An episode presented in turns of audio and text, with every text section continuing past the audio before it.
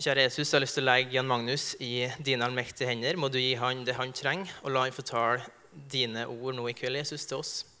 Og la oss få lov til å sitte med åpne hjerter og ta imot det du har å si til oss i kveld. I ditt navn. Amen. Amen. Takk skal du ha, Jon Kjetil. Eh, hjertelig velkommen til Misjonssalen. Utrolig kjekt å se at det er så mange som er her. Eh, og så må jeg si til dere som satt med meg her på fremste rad, at Hvis dere syns det er litt kaldt pga. trekken, så er det et offer dere gjør for at resten skal kunne leve utover kvelden. Én eh, ting, Og så god på ganske masse her i Misjonssalen, føler jeg, men akkurat på ventilasjonsanleggfronten er det ikke så bra. Eh, velkommen til de som har hatt dette som din menighet i mange år, eller noen få år. Velkommen til de som er helt ny i byen og i forsamlinga vår. Eh, jeg lurer på, Kan jeg få en håndsopprekning på de som er nye her eller nye i byen? eller sånn? Ønsk deg hjertelig velkommen og gi deg en varm applaus. Velkommen til oss. Velkommen til Misjonssalen.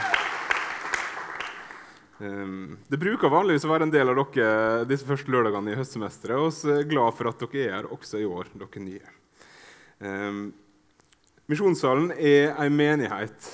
Eh, misjonssalen er et fellesskap. Misjonssalen er på mange måter en liten familie i Guds store familie. Eh, så jeg håper dere som hadde opp handa nå og sa at dere var nye, eh, jeg håper dere finner dere en heim, et fellesskap, en plass der dere hører hjemme her i Oslo. Hvis det er her i Misjonssalen, kjempeflott. Hjertelig velkommen skal dere være. Men finn dere en heim. Finn dere en plass der dere hører hjemme. For dere er i Oslo nå. Jeg vet ikke hvor lenge dere skal være. Om det er ett år, om det er tre, om det er fem. Om dere ikke helt vet sjøl. Men nå er det her i Oslo dere er. Og Da er det her også dere må ha en familie av kristne rundt dere. Så i løpet av de neste ukene og månedene jeg vet Mange av dere er sikkert på det vi kaller menighetsshopping nå. Og det er helt ok. Det er helt forståelig. Eh, finne ut hva menighet er. Hvor kan jeg høre hjemme? Hvor kan jeg ha en tjeneste. Hvor kan jeg bidra? Eh, men når du skriver oktober og november, eh, ha en heim. Ha en plass der du er hjemme. Ha en plass der du har et fellesskap rundt deg som bevarer deg, som oppmuntrer deg, som eh, gir deg tillit og tjeneste, eh, og som ansvarliggjør deg som kristen.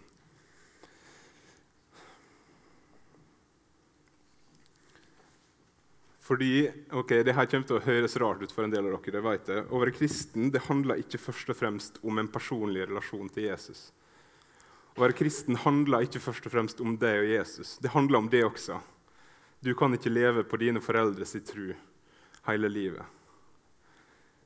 For å omformulere det å være kristen har til alle tider vært noe en er i fellesskap med andre. Det å være en kristen skjer sammen. Og det er det jeg skal snakke litt om her i dag. Jeg skal starte med et sitat som vi skal få opp eh, på skjermen. Som en amerikansk pastor som heter Tabiti Anyabwile, eh, har sagt. Han er, eh, han er pastor i ei svart kirke i USA, og han har sagt dette. Saying you belong to the church without belonging to a church is like saying you're married without having a wife.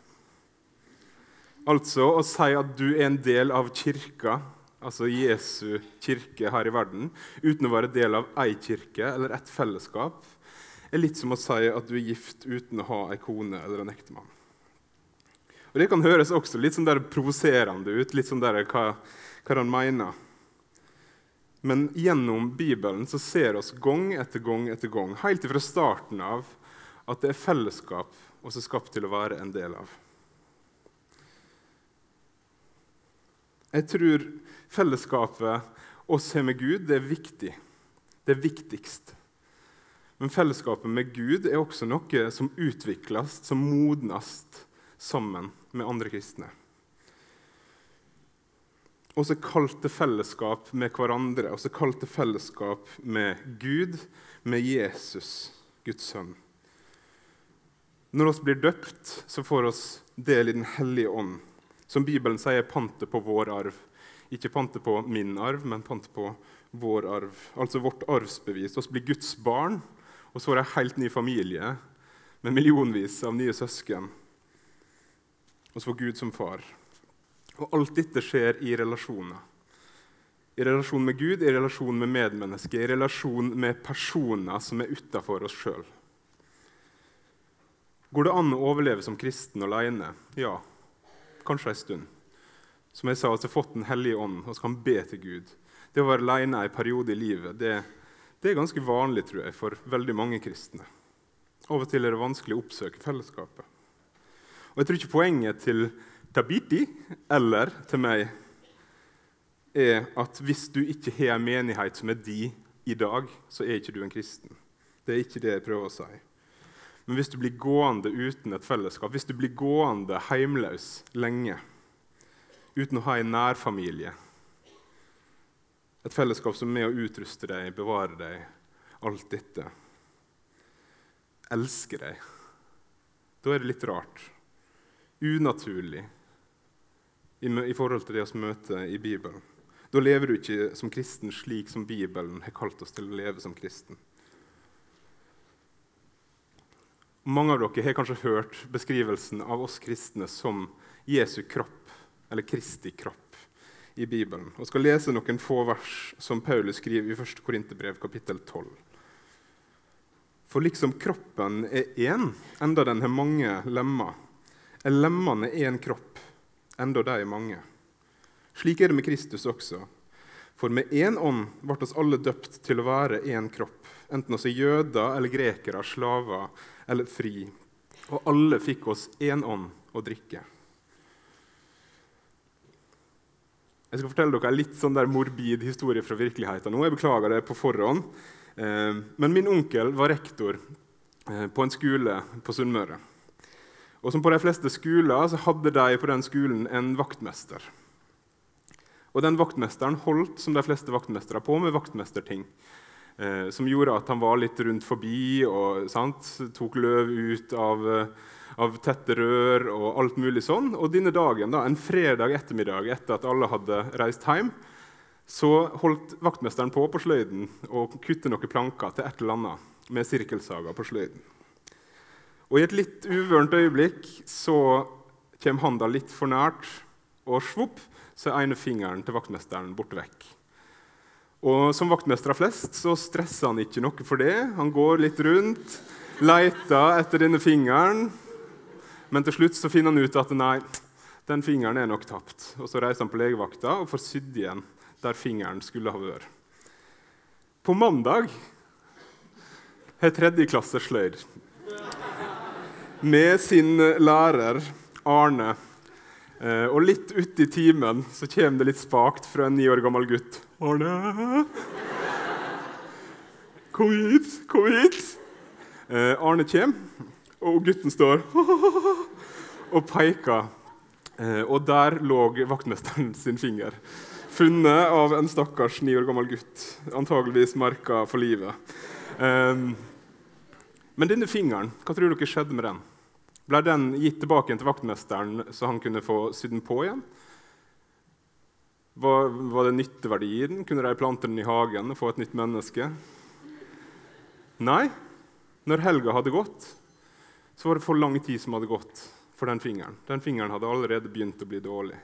Det var ikke noe verdi i den lenger. Den hadde visna, den var død. Uten kroppen som den fingeren tilhørte, så var ikke levevilkårene for den fingeren til stede lenger. Beklager igjen historien, men eh, poenget står. Fingeren gikk i søpla. I det verset som oss las i stad, så får oss vite at oss er del av én kropp. At oss er lemmer på denne kroppen. Kroppen er helt avhengig av sine lemmer og sine organ. Men mer enn det er organene helt avhengig av å være på kroppen for at de skal leve. Ikke bare for å overleve, men for å kunne tjene sin hensikt. For å kunne gjøre det den er skapt til. Være de oss er skapt til. For å være de som må være poda på treet, som er Jesus, og som må være poda på kroppen, som er Jesus sine etterfølgere. Paulus fortsetter den teksten med noen eksempel. Hvis øret sier 'fordi jeg ikke er øye, hører ikke jeg til kroppen', ja, da hører den like fullt til kroppen. Om hele kroppen var øye, hvor ble det av hørselen? Hvis alt var hørsel, hvor ble det av luktesansen? Og I disse versene som dere kan lese i 1. Korinterbrev 12, vi gjør det der, så ligger det minst, minst to ting. For det første du er en del av kroppen, du som tror på Jesus. Du er skapt til og kalt til å høre sammen med andre kristne. Og for det andre, og kanskje mer innspo, du som tenker om din nådegave eller din tjeneste, dine talent, dine gaver, at det du har, er mindre viktig enn det alle andre har, eller noen andre har. De tjenester, de gaver, det er noe som kroppen trenger, som fellesskapet trenger. Så punkt 1, Du som tror på Jesus, du er en lem på kroppen. Og uten kroppen så er levevilkårene dine som kristen fryktelig mye vanskeligere. Andre del nå. Noe annet som peker oss i retning av at oss er skapt til fellesskap, til å være sammen. Jeg snakka om det, at Hele Bibelen egentlig vitner for oss om det, at oss er kalt til fellesskap med hverandre. Noe av det, det finnes i brevene i Det nye testamentet. De aller fleste av de brevene er skrevet fordi de skulle bli lest opp i forsamlinga, sånn at alle kunne høre det sammen og samtidig. De er skrevet til menigheter i forskjellige byer der en regner med at alle de kristne kommer sammen for å høre. Og skal lese en av de bønnene som Paulus skriver i et av sine brev. Og så vil jeg at dere skal legge merke til jeg har prøvd å gjøre litt enklere med å utheve noen ord, men hvor fellesskapsorientert Paulus er når han ber. Det er en fantastisk bønn jeg skal lese nå fra Efeserne kapittel 3, vers 14 21. Derfor bøyer jeg mine kne for Far han som har gitt navn til alt som heter Far i himmel og på jord.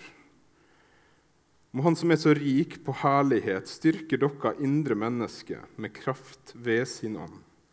Må Kristus ta bolig i hjertet dere ved trua, og dere stå rotfesta og grunnfesta i kjærlighet.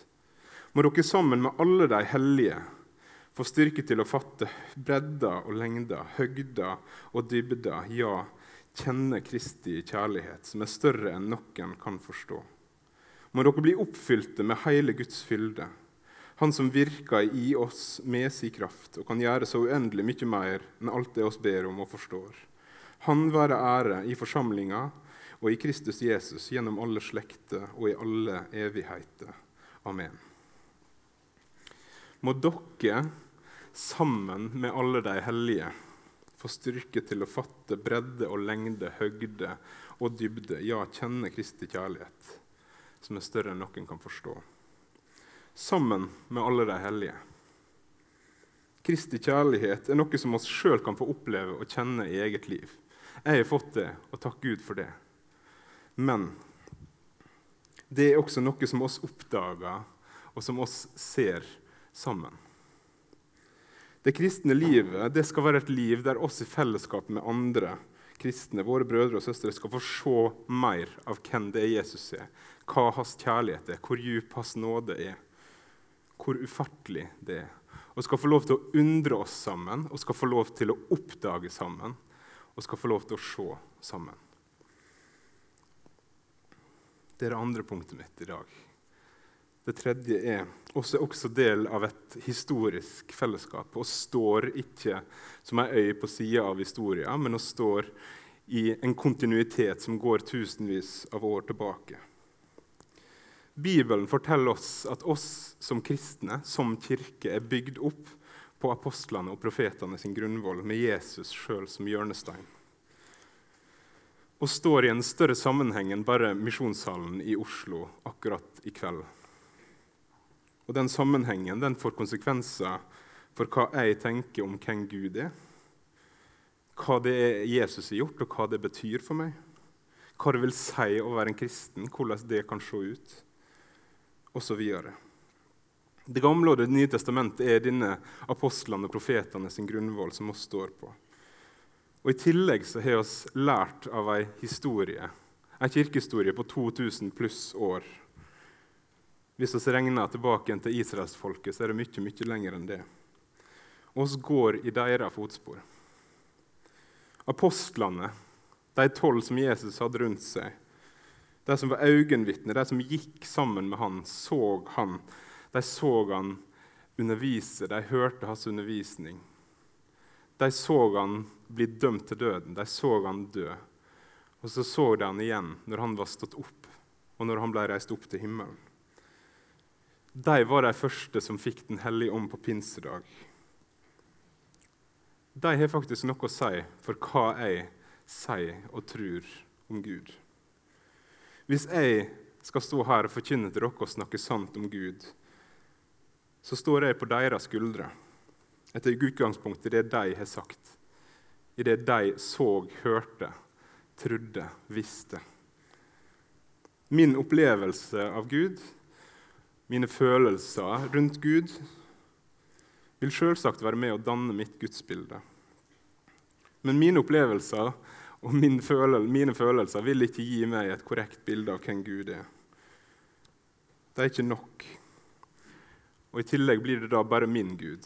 Det blir ikke en Gud som alle kan tro på til alle tider, men det blir en Gud som jeg har laga, basert på min opplevelse. Men det vi finner i Bibelen, påstår å være objektivt sant.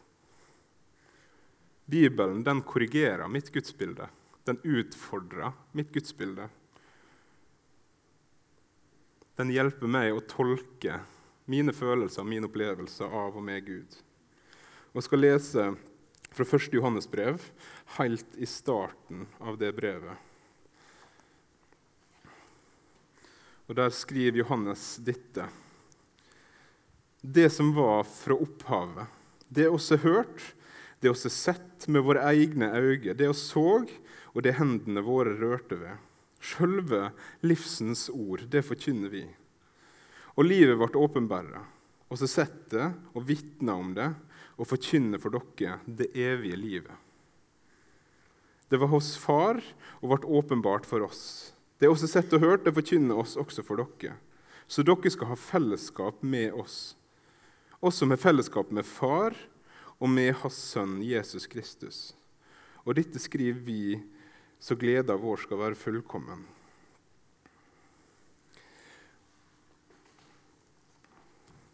Han skriver at de apostlene, altså, forkynner selve livets ord.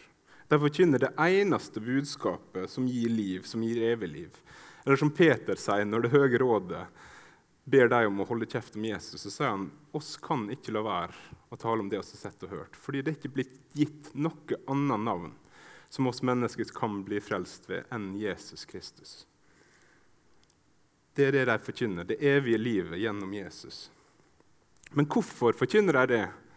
Hvorfor forkynner de det? Jo, for at oss skal ha fellesskap med dem. De som på sin side har fellesskap med Far og har Sønn Jesus Kristus. For at vi skal ha fellesskap med Jesus, for at vi skal ha fellesskap med Gud sjøl, så må vi ta imot det budskapet som de kom med, evangeliet. Og evangeliet det står fast. Jesus han kom, han levde som menneske, han døde, han sto opp for at jeg og du skulle kunne ha fellesskap med far og med han sjøl. Og Det er mitt siste punkt i kveld. Har dere tenkt, når dere var små, eller kanskje tenker dere enda, at det å tro på Jesus, det å tro på evangeliet, det å være en kristen, det handler først og fremst om å unngå helvete. Det handler først og fremst om å slippe unna fortapelsen. Jeg tenkte i hvert fall sånn ganske lenge. At tilgivelsen i seg sjøl, det at Jesus døde for mine synder, punktum var evangeliet. Ofte er det sånn å snakke også. At det er kun det som er evangeliet. Det at våre synder er blitt tilgitt. Men hadde himmelen, hadde evigheten, vært gode nyheter hvis det bare var at vi unngikk helvete og så ble overlatt til oss sjøl? Misforstå meg rett, jeg tror på fortapelsen, jeg tror på helvete. Og jeg takker Gud for at jeg har fått høre om Jesus. Om det løftet som han gir om at hver den som tror på han, ikke skal gå fortapt, men ha evig liv. Men hadde det fullt ut vært gode nyheter hvis det bare var det det handla om? Jeg tror ikke det. Jesus han døde for mine synder. Det er sant, og det er viktig, og det er i kjernen av evangeliet. Men han gjorde det for at jeg skulle kunne være sammen med han og sammen med far for evig. Det evige livet i seg sjøl, greit nok, men det evige livet hos Gud, i fellesskap med Gud, for evig. Vi skal lese fra 1. Peter 3, 18a. For Kristus sjøl leid for synde en gang for alle, den rettferdige for de urettferdige, for å føre dere fram til Gud. Du som tror på Jesus, er ikke bare frelst fra fortapelsen. Du er frelst til et nytt liv sammen med Gud. Og Hvis du har lest Johannes' åpenbaring 21, så får du se litt av hva det er det går i. En Gud som sier han vil tørke hver tåre, som vil gjøre ende på alt vondt. Som ikke lenger trenger vegger eller tempel eh, der du må oppsøke ham, men han skal være der hos deg, i fellesskap med deg, alltid. Du er frelst av evighet i hans nærhet, i far sitt fang. Og det kristne fellesskapet her og nå, menneskelig og fullt av feil som oss er, og som det kristne fellesskapet er, skal være en liten smak av himmel. Så du som er ny her i byen og ny i misjonssalen, finn deg et fellesskap. Gjerne her hos oss. Velkommen hit til oss.